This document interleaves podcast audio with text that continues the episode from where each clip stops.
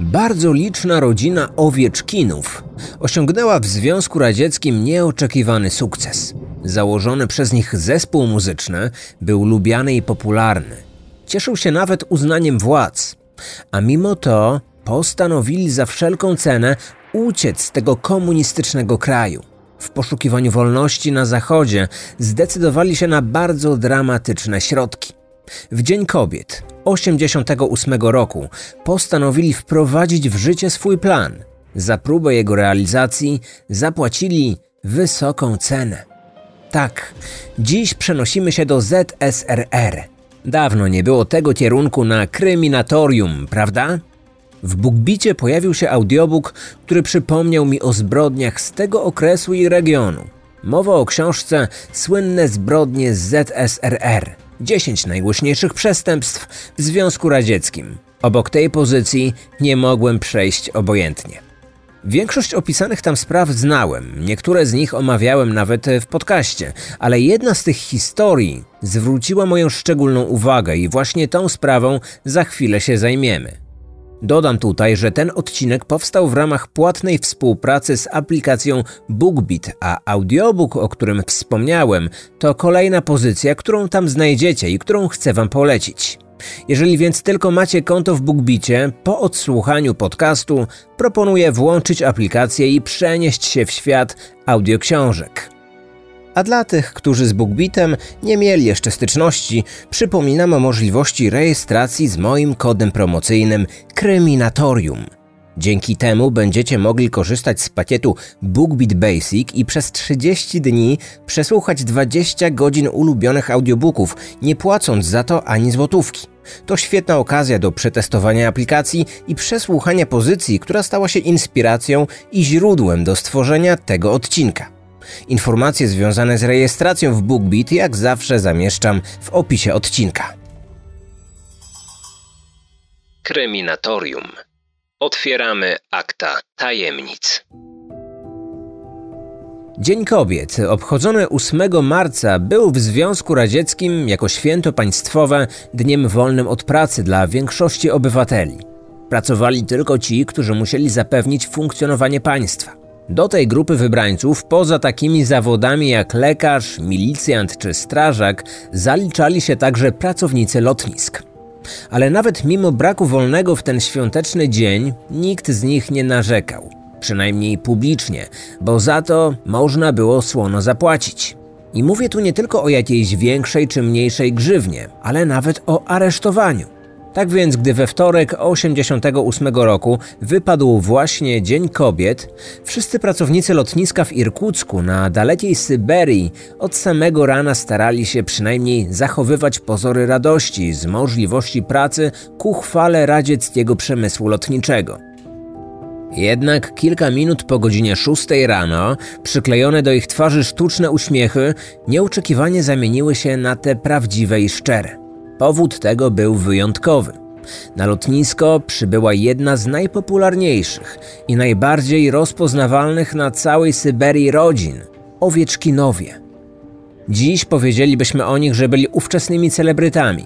Jak zaznaczył Talgat Jaisanbajew w swojej książce Słynne zbrodnie w ZSRR, od dobrych kilku lat nieustannie pisały o nich gazety. Pokazywano ich w państwowej telewizji, a syberyjskie studio kronik filmowych nakręciło nawet o nich film dokumentalny.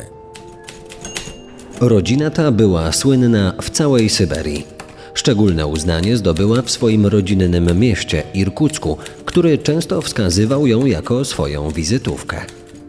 Wszyscy chłopcy z rodziny, siedmiu braci Owieczkinów, grali we własnym jazzbendzie o nazwie Siedmiu Symeonów jeździli oni z koncertami po całym Związku Radzieckim. Zwykli obywatele ich uwielbiali, ponieważ poprzez grany przez nich jazz wprowadzali w ich ciężkie życie trochę powiewu zachodniego świata. Doceniała ich także radziecka władza, która widziała w nich idealny przykład propagandowego przekazu, że oto przedstawiciele klasy robotniczej, dzięki swojej ciężkiej pracy, niewątpliwemu talentowi, no i oczywiście niezachwianej wiary w socjalizm, mogą odnieść w Związku Radzieckim ogromny sukces na miarę amerykańskich zespołów muzycznych.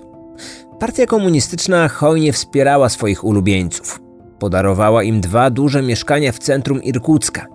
Przekazywała im drogie instrumenty, których cena nierzadko przekraczała wartość dziesięciu przeciętnych wypłat. Raz nawet pozwolono im polecieć na koncerty za granicę, poza blok krajów socjalistycznych, do kapitalistycznej Japonii, co w ZSRR było ogromnym przywilejem, raczej nieosiągalnym dla zwykłych obywateli. Dziesięcioro dzieci 53-letniej Ninel Sardiejewny Owieczkiny miało wszystko, o czym ich rówieśnicy mogli tylko pomarzyć. A co najważniejsze, byli sławni i rozpoznawalni. Dlatego, gdy tylko pojawili się na lotnisku w odświętnych strojach, zostali przywitani jak wielkie gwiazdy, no i natychmiast obsłużeni poza kolejnością. Udawali się właśnie na ważny festiwal muzyczny do Leningradu. Siedmiu synów i trzy córki owieczkiny targały ze sobą ciężkie pudła z instrumentami.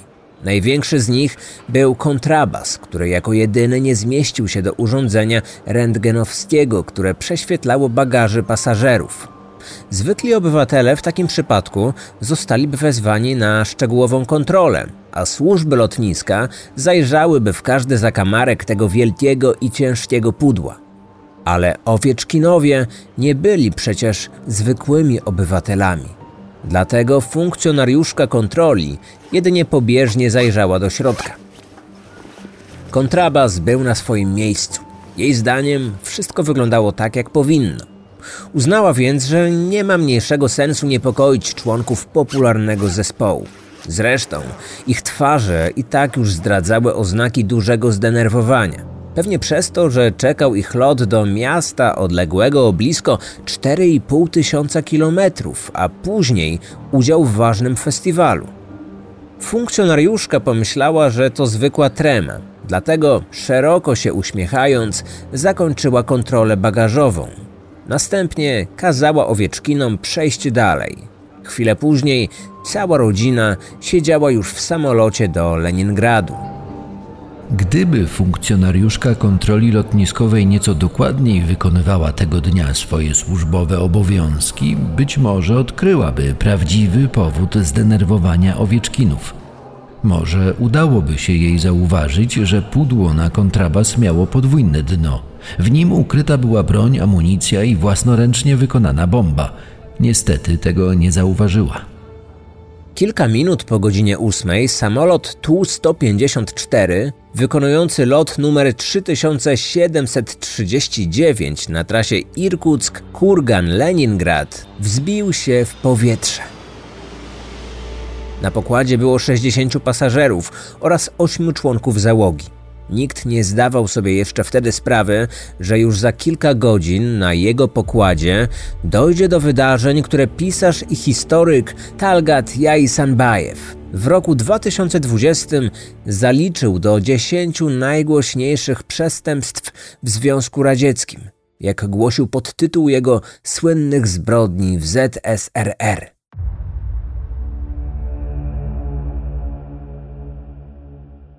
Nina Jerszowa nie miała lekkiego życia. Gdy przyszła na świat w roku 1937, rodzice jako zatwardziali komuniści nadali jej imię na cześć Lenina, czyli wodza rewolucji bolszewickiej. Lenin, czytane od tyłu, stało się imieniem Ninel. Dziewczyna wychowywała się z czterema braćmi w rozpadającej się chacie w biednej wsi pod Irkuckiem. Miała zaledwie 4 lata, gdy Niemcy zaatakowali Związek Radziecki, a jej ojca wysłano na front. Rok później straciła matkę. Kobieta została przełapana na kradzieży ośmiu ziemniaków z pola, na którym pracowała. Choć tłumaczyła, że jej dzieci nie jadły już od kilku dni, pijany strażnik nie wykazał zrozumienia. Od razu strzelił jej w głowę, zabijając na miejscu. Jej dzieci trafiły do domu dziecka. Tam Ninel nauczyła się walczyć z wszelkimi przeciwnościami losu. Do życia podchodziła z pokorą, ale obiecała sobie, że nigdy nie okaże słabości. Stała się twarda, bezkompromisowa i silna. Gdy po kilku latach jej ojciec wrócił z wojny i chciał zabrać swoją córkę do siebie, odmówiła. Sierdziej miał już w tym czasie drugą żonę. czego dziewięcioletnia Ninel nie chciała zaakceptować. Stwierdziła, że ma tylko jedną mamę i woli zostać w domu dziecka niż być córką obcej mamy. Dopiero sześć lat później zgodziła się zamieszkać u wujka. Nie czuła się dobrze w rodzinie alkoholików, więc gdy tylko nadarzyła się pierwsza okazja do wyprowadzki, wykorzystała ją. W wieku 18 lat wyszła za mąż. Jej wybrankiem został Dimitri Owieczkin, przystojny kierowca ciężarówki. Był co prawda dość biedny, ale przynajmniej nie pił alkoholu, co dla Ninel po doświadczeniach w domu wujostwa było ważniejsze niż zasobność jego portfela. Pierwsze dziecko urodziła rok później, córkę Ludmiłę. Kolejna córka, Larisa, zmarła pół roku po przyjściu na świat. Trzecią ciążę usunęła, ale późniejsze wyrzuty sumienia sprawiły, że kobieta obiecała sobie, że od tej pory urodzi tyle dzieci, ile tylko będzie w stanie. Słowa dotrzymała i to aż 10 razy. Za ten wyczyn kobieta otrzymała od władz radzieckich złoto-srebrny order oraz tytuł Matki Bohaterki. Takie wyróżnienie przysługiwało wszystkim Rosjankom, które urodziły co najmniej dziesięcioro dzieci. Warunkiem było jednak to, że musiały one dożyć pełnego roku i być wychowywane przez biologiczną matkę. Kobieta była bardzo dumna z tego odznaczenia, a swój medal zawsze nosiła przy sobie.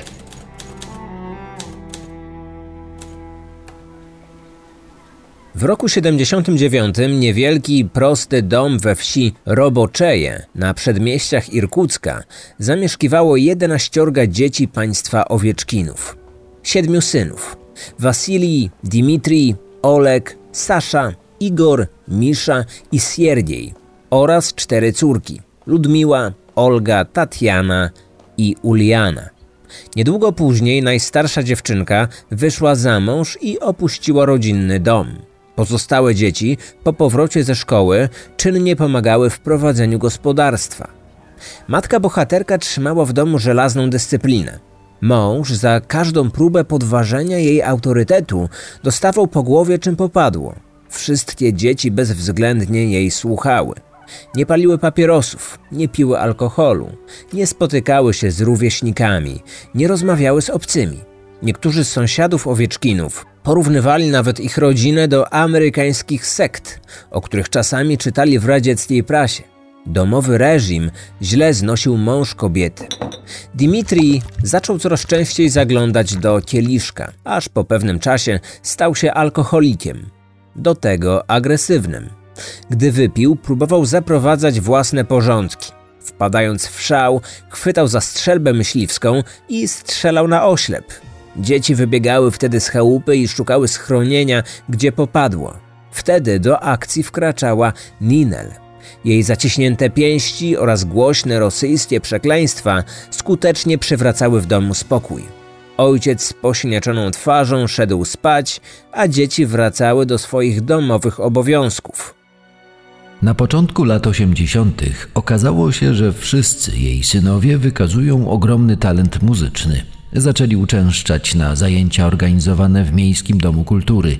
Jeden z ich szkolnych wychowawców namówił matkę, by zapisała swoje dzieci do regionalnej szkoły muzycznej w Irkucku. Kobieta zgodziła się, przeczuwając, że umiejętności synów mogą w przyszłości wyciągnąć całą rodzinę z biedy. Najlepiej wychodziło im granie jazzu, kojarzonego w ZSRR głównie z afroamerykańskimi wykonawcami. Talent w chłopcach dostrzegł także Władimir Romanienko, wykładowca szkoły muzycznej. Publicznie nazwał on braci ruskimi murzynami, co wtedy było uznawane za ogromny komplement, ale w obecnych czasach poprawności politycznej raczej nikt nie odważyłby się użyć takiego określenia. Powstanie rodzinnego zespołu było strzałem w dziesiątkę. Wasilij grał na perkusji, Dimitri na trąbce, Olek na saksofonie. Sasza wybrał kontrabas, a Igor pianino. Misza doskonale radził sobie w grze na puzonie. Największy zachwyt wzbudzał jednak najmłodszy z braci, zaledwie czteroletni Sierdziej, brzdąkający wesoło na dość egzotycznym dla Rosjan banjo. Swoją rolę w zespole miały także ich siostry. Zajmowały się doborem strojów i dbaniem o sceniczny wizerunek braci. Nad wszystkim czuwała ich matka. Bez jej zgody nie mógł się odbyć żaden koncert czy wywiad dla lokalnych dzienników. Wykonywane przez siedmiu Symeonów nowe aranżacje słynnych amerykańskich przebojów jazzowych z lat 50. i 60. zyskiwały coraz większą popularność. Nie tylko w Irkucku, ale w całej Syberii. Jednak w maju 1984 roku doszło do tragedii, która mogła raz na zawsze przekreślić ich plany na odniesienie ogólnokrajowego sukcesu.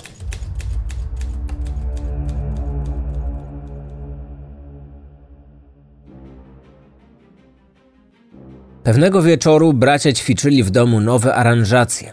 Przerwał im wracający z pracy ojciec. Mocno pijany, ledwo stał na własnych nogach. Poproszony, aby nie przeszkadzać podczas ich próby, wściekł się. Zaczął ich bić. Zapomniał przy tym, że jego najstarsi synowie nie byli już małymi, słabymi chłopcami. Wasilii i Dimitrij przekroczyli już dwudziestkę. Byli wyżsi i silniejsi od własnego ojca. Pobili go tak bardzo, że mężczyznę musiała zabrać karetka. Już nie odzyskał przytomności, a po trzech dniach zmarł. Najstarsi bracia zostali aresztowani. Groziło im długoletnie więzienie za nieumyślne zabójstwo. Chłopcy przyznali się do winy, ale po zeznaniach złożonych przez ich matkę, prokuratura zmieniła zarzut na obronę konieczną. Irkucki sąd, nie chcąc niszczyć kariery popularnych już wtedy w mieście muzyków, postanowił ich uniewinnić. Rok później sława zespołu sięgnęła zenitu i wyszła poza rejon Syberii. Zrobiło się o nich głośno nawet w Moskwie. Rodzina Owieczkinów występowała na licznych festiwalach, konkursach i przeglądach muzycznych. Pisano o nich w radzieckiej prasie i mówiono w telewizji. Wyemitowano film dokumentalny. Minel puchła z dumy i korzystała z tego rozgłosu jak tylko mogła. Matka bohaterka wysyłała kolejne pisma do wszystkich możliwych urzędów państwowych. Prosiła w nich o zakup nowych instrumentów muzycznych i strojów. Wnioskowała o dofinansowanie dalekich podróży swoich dzieci udających się na kolejny koncert. Władza ochoczo spełniała większość jej próśb, ponieważ w zespole widziano idealny przykład socjalistycznego kolektywu, który można było wykorzystać w celach propagandowych. Władza partyjna nie skąpiła im przywilejów i wszelkich możliwych korzyści. Otrzymali nawet dwa sąsiadujące ze sobą czteropokojowe mieszkania w centrum Irkucka. Szczytem hojności radzieckich dygnitarzy było udzielenie zespołowi zgody na wyjazd do zagranicznego kraju znajdującego się poza blokiem socjalistycznym do Japonii. Postawiono tylko jeden warunek, tak na wszelki wypadek. Na zagraniczne tournée mogli się udać wyłącznie chłopcy z zespołu. Matka z córkami musiała pozostać w kraju. Jako zakładnicy, aby podróżnikom nie przyszła do głowy rezygnacja z powrotu do Związku Radzieckiego. Ich trzytygodniowy wyjazd okazał się przełomowy, ale nie w taki sposób, jak życzyłoby sobie partyjne kierownictwo. Bracia Owieczkinowie na własne oczy przekonali się, że legendy krążące o kapitalizmie nie były przesadzone. Japonia oczarowała ich swoimi możliwościami i życiem bez politycznego nadzoru. Wszędzie widzieli kolorowe neony i wielkie reklamy na budynkach. Ulice były czyste, chodniki równe, a samochody nowe. W sklepach wszystko było dostępne, a o technologii towarzyszącej Japończykom na co dzień Rosjanie mogli tylko pomarzyć. Podczas tego pobytu trzech najstarszych braci zaczęło myśleć o pozostaniu w tym kraju. Zamierzali nawet udać się do amerykańskiej ambasady, żeby poprosić o azyl polityczny. Ostatecznie zrezygnowali z tego, ponieważ zdawali sobie sprawę, że gdyby uciekli, ich matka i siostry zapłaciłyby ogromną cenę. Przecież właśnie z tego powodu musiały zostać w kraju. Po ich powrocie do domu już nic nie było takie samo. Sowiecka codzienność przytłaczała ich jeszcze bardziej. Jeszcze mocniej zaczęli odczuwać złe strony komunizmu. Stwierdzili, że Związek Radziecki nigdy nie da im tego, o czym tak naprawdę marzyli. Choć mieli już sławę i przychylność państwowych władz, wciąż brakowało im pieniędzy. Nie byli zawodowymi muzykami z odpowiednim dyplomem, a tylko tacy mogli liczyć w ZSRR na otrzymanie honorarium za występy. A bracia chcieli być nie tylko sławni, ale i bogaci, przynajmniej tak jak Japończycy, których spotkali. O zamiarze ucieczki z kraju powiedzieli matce. Ninel, zachwycona ich opowieściami o życiu poza blokiem socjalistycznym, nie zaprotestowała. Ale postawiła warunek: albo ucieknie cała rodzina, albo nikt. A jeśli im się nie uda, to razem zginą. Bo na pewno nie wylądują w więzieniu. Rozważali różne możliwe scenariusze i uznali, że nikt ich dobrowolnie z kraju nie wypuści. Nie wszystkich naraz. Nie wiadomo do końca, kto wpadł na ten pomysł, ale matka uznała, że to jedyne wyjście. Uprowadzą samolot i zmuszą pilotów do wylądowania w jakimś kraju kapitalistycznym. W 1977 roku taki numer udał się dwóm Rosjanom, ojcu i synowi. Wylądowali w Szwecji. Co prawda trafili do więzienia, ale po kilku latach zostali wypuszczeni, otrzymując azyl. Wybór Owieczkinów padł na Wielką Brytanię, a konkretnie na Londyn.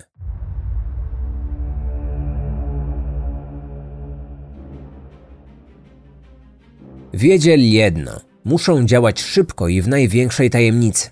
Rozpoczęli tajne przygotowania do ucieczki. O ich szczegółach napisał autor książki, audiobooka Słynne zbrodnie w ZSRR.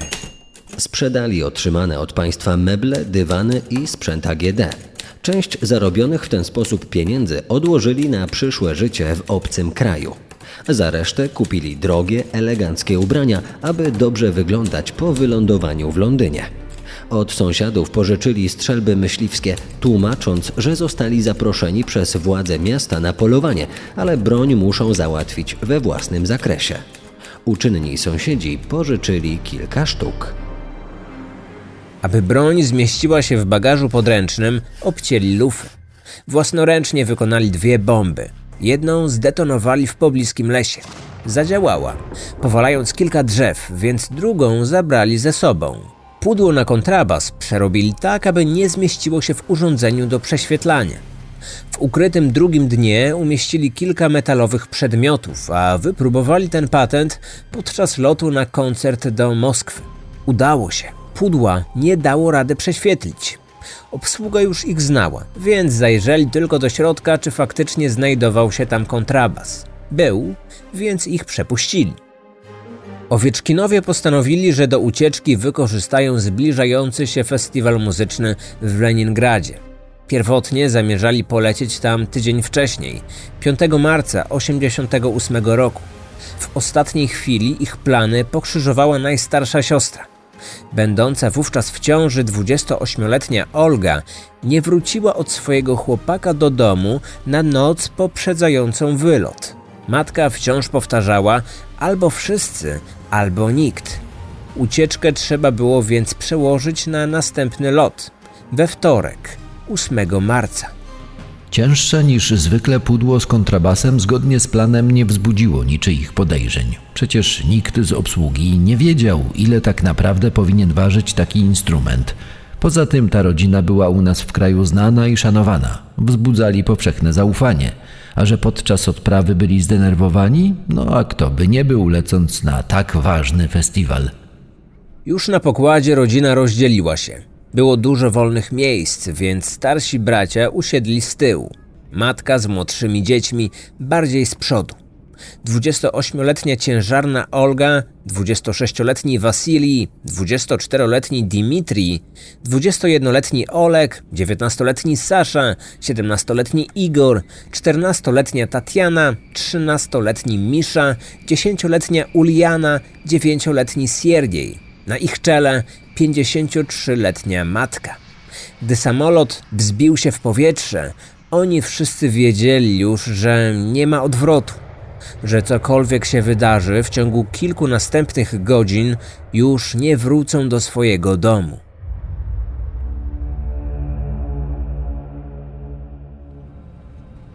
Do czasu międzylądowania w Kurganie lot przebiegał spokojnie. Później ponownie znaleźli się w powietrzu, a kapitan samolotu obrał kierunek na Leningrad. O godzinie 14.50 czasu moskiewskiego najstarszy brat specjalnym przyciskiem przywołał jedną ze stewardess. Gdy do nich podeszła, Wasilii wręczył jej kartkę wyrwaną z zeszytu. Przeczytała zapisaną na niej wiadomość i zapytała, czy to jakiś żart. Owieczkinowie pokazali jej broń oraz zawartość drugiego dna pudła na kontrabas. Zapewniali, że nie żartują. Stewardesa natychmiast zaniosła kartkę kapitanowi. Przeczytał dwa razy. Najpierw w myślach, później już na głos. Załoga ma lecieć do stolicy Anglii, do Londynu. Nie zmniejszać wysokości, bo wysadzimy samolot. Ten lot jest pod naszą całkowitą kontrolą. Dalsze wydarzenia potoczyły się błyskawicznie. Kapitan postąpił zgodnie z instrukcją postępowania na wypadek porwań radzieckich samolotów pasażerskich. Mówiła ona, że należy potwierdzić porywaczom, że samolot rzeczywiście zmienił kurs i kieruje się w stronę wybranego przez nich kraju. Tak też zrobiono. W międzyczasie załoga skontaktowała się z Ziemią. Dowódca północno-zachodniego okręgu powietrznego, generał Tichomirow, wydał kapitanowi kolejne instrukcje. Kategorycznie zakazał podejmowania jakichkolwiek prób obezwładnienia terrorystów na własną rękę. Kazał zaproponować wymianę zakładników w zamian za lot w dowolne miejsce oraz przeciągać wszystko maksymalnie do 30 minut. Dokładnie tyle czasu potrzebował oddział specjalny KGB, aby wkroczyć do akcji odbicia samolotu z rąk porywaczy. Aby dać możliwość oddziałom specjalnym na interwencję, kapitan na rozkaz generała poinformował Owieczkinów, że paliwa nie wystarczy na lot do Londynu i że jeśli chcą tam dolecieć, to trzeba wylądować i dotankować. Porywacze zgodzili się, ale pod warunkiem, że tankowanie odbędzie się poza granicami Związku Radzieckiego. Ziemia tylko czekała na odpowiedź.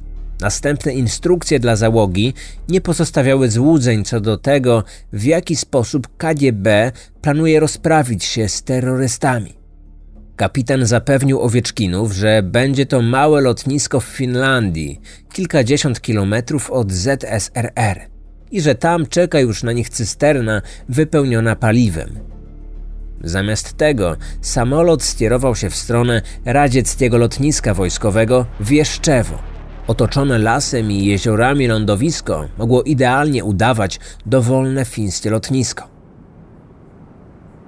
Zanim samolot tam wylądował, załoga lotniska szybko zamalowała wszystkie znajdujące się w tym miejscu symbole radzieckie. Na hangarze pojawiły się pomalowane białą farbą napisy w języku angielskim. Personel lotniska zamienił radzieckie mundury na cywilne ubrania. Dowodzenie całą akcją przejął pułkownik milicji.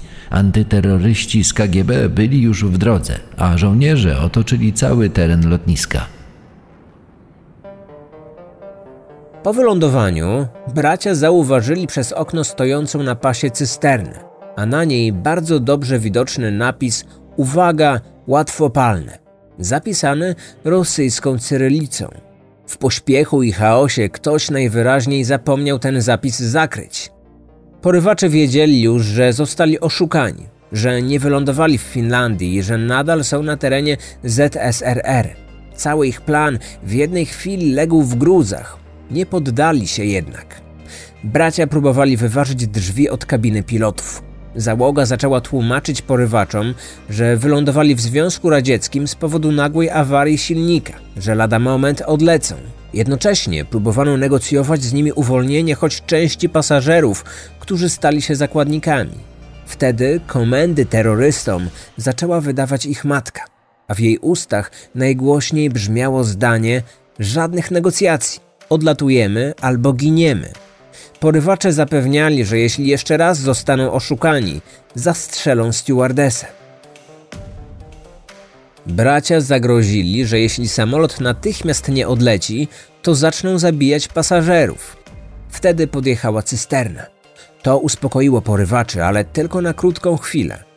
Nagle przez okno owieczkinowie zauważyli skradających się za cysterną żołnierzy w radzieckich mundurach. Na ich widok Dimitri spełnił wcześniejszą prośbę. Wycelował w głowę jednej ze stewardess i wystrzelił. Kobieta zginęła na miejscu. Do porwania doszło zabójstwo z zimną krwią. Wojsko postanowiło działać. Nie czekając na antyterrorystów, natychmiast uformowano dwa oddziały, złożone ze zwykłych milicjantów. Jedna grupa miała się dostać do kabiny pilotów przez okno, druga wejść do samolotu przez dolny otwór w tylnej części kadłuba. Gdy oba oddziały były już w środku, kapitan uruchomił silniki samolotu. Był to umówiony wcześniej sygnał do rozpoczęcia akcji eliminacji terrorystów. Pierwsi ruszyli milicjanci z kabiny pilotów. Po otworzeniu drzwi zaczęli strzelać. Wtedy wyszedł ich brak przygotowania do tego typu akcji oraz ich ogólne zdenerwowanie. Wszystkie kule trafiły siedzących najbliżej kabiny zakładników. Stojący nieco dalej od nich porywacze nawet nie zostali ranni. Odpowiedzieli ogniem. Kilku funkcjonariuszy upadło na podłogę, a następnie wycofali się do kabiny i zamknęli za sobą drzwi. Chwilę później próbę przejęcia samolotu podjęła druga grupa milicjantów, ta znajdująca się tuż pod pokładem. Oni też nie mieli szczęścia. Planowali wejść przez luki w podłodze. Wtedy okazało się, że na tych lukach leżała gruba wykładzina i nie miała ona odpowiednich wycięć na otwory, przez które próbowali wejść. Porywacze obserwowali w milczeniu, jak wykładzina na podłodze kilka razy podniosła się i opadła. Milicjanci, nie wiedząc, co właściwie mają zrobić w takiej sytuacji, zaczęli strzelać na oślep przez podłogę. Wywiązała się strzelanina pomiędzy milicjantami a terrorystami. Na pokładzie zapanował chaos, a gęsty dym uniemożliwił dojrzenie czegokolwiek. W dodatku owieczkinom zaczęło brakować amunicji. Nie byli przygotowani na tak długą wymianę ognia. Ich sytuacja stała się tragiczna. Pierwsza domyśliła się tego matka. Przywołała swoich synów do siebie, a następnie oznajmiła im, że ich plan ucieczki się nie powiódł i że chyba już czas umierać. Nie usłyszała żadnego głosu sprzeciwu. Cała rodzina zebrała się przy bombie. Sasza podpalił ląd, a dzieci pożegnały się z matką. Wtedy nastąpił wybuch. Choć bomba wybuchła, nikt z nich nie zginął. Wszystkie odłamki zamiast na boki poszły w górę, przebijając dach samolotu. Całe wnętrze pokładu natychmiast stanęło w płomieniach. Widząc, że poza niegroźnymi ranami wszyscy wciąż żyją, matka i jej dzieci postanowili wykorzystać ostatnie naboje i zakończyć wszystko na swoich własnych warunkach. Pierwszy na oczach matki rodzeństwa zastrzelił się Dimitri. Po nim zrobił to Sasza. Później Olek. Matka nie była w stanie się zastrzelić, więc poprosiła o to swojego najstarszego syna. Wasilij spełnił jej prośbę, a później sam się zabił. Chwilę wcześniej kazał swojej siostrze Oldze wyprowadzić z samolotu młodsze rodzeństwo. Zapewnił ją, że milicja nic im nie zrobi ze względu na ich młody wiek. Załoga otworzyła drzwi samolotu, ale nigdzie nie było schodów awaryjnych. Przerażeni i ranni pasażerowie zmuszeni byli wyskakiwać z płonącej maszyny z wysokości 4 metrów, prosto na betonową płytę lotniska. Łamali ręce, nogi i żebra. Jakby tego było mało, już na dole byli bici i skuwani kajdankami przez milicjantów i traktowani jako potencjalni terroryści. Żaden z funkcjonariuszy nie wiedział jeszcze wtedy, że ci prawdziwi porywacze popełnili samobójstwa. Cała akcja zakończyła się koło godziny 20. Dopiero wtedy w pobliże płonącego samolotu dotarła brygada antyterrorystów z KGB. Zdecydowanie za późno. Łączny bilans porwania zamknął się na dziewięciu osobach zabitych. Trzech pasażerach, jednej stewardesy i pięciu członkach rodziny Owieczkinów. 36 osób odniosło mniej lub bardziej poważne rany. Jak się później okazało, wszystkie rany zadane zostały przez milicjantów. Jak pisze autor audiobooka, który stał się inspiracją do stworzenia tego odcinka, kodeks karny Związku Radzieckiego nie przewidywał odpowiedzialności karnej osób poniżej 15 roku życia. Wyjątek stanowiły tylko ciężkie przestępstwa jak zabójstwo lub zgwałcenie.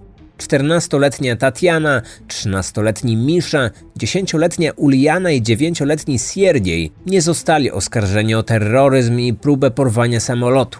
Niedługo później umieszczono ich w domu dziecka.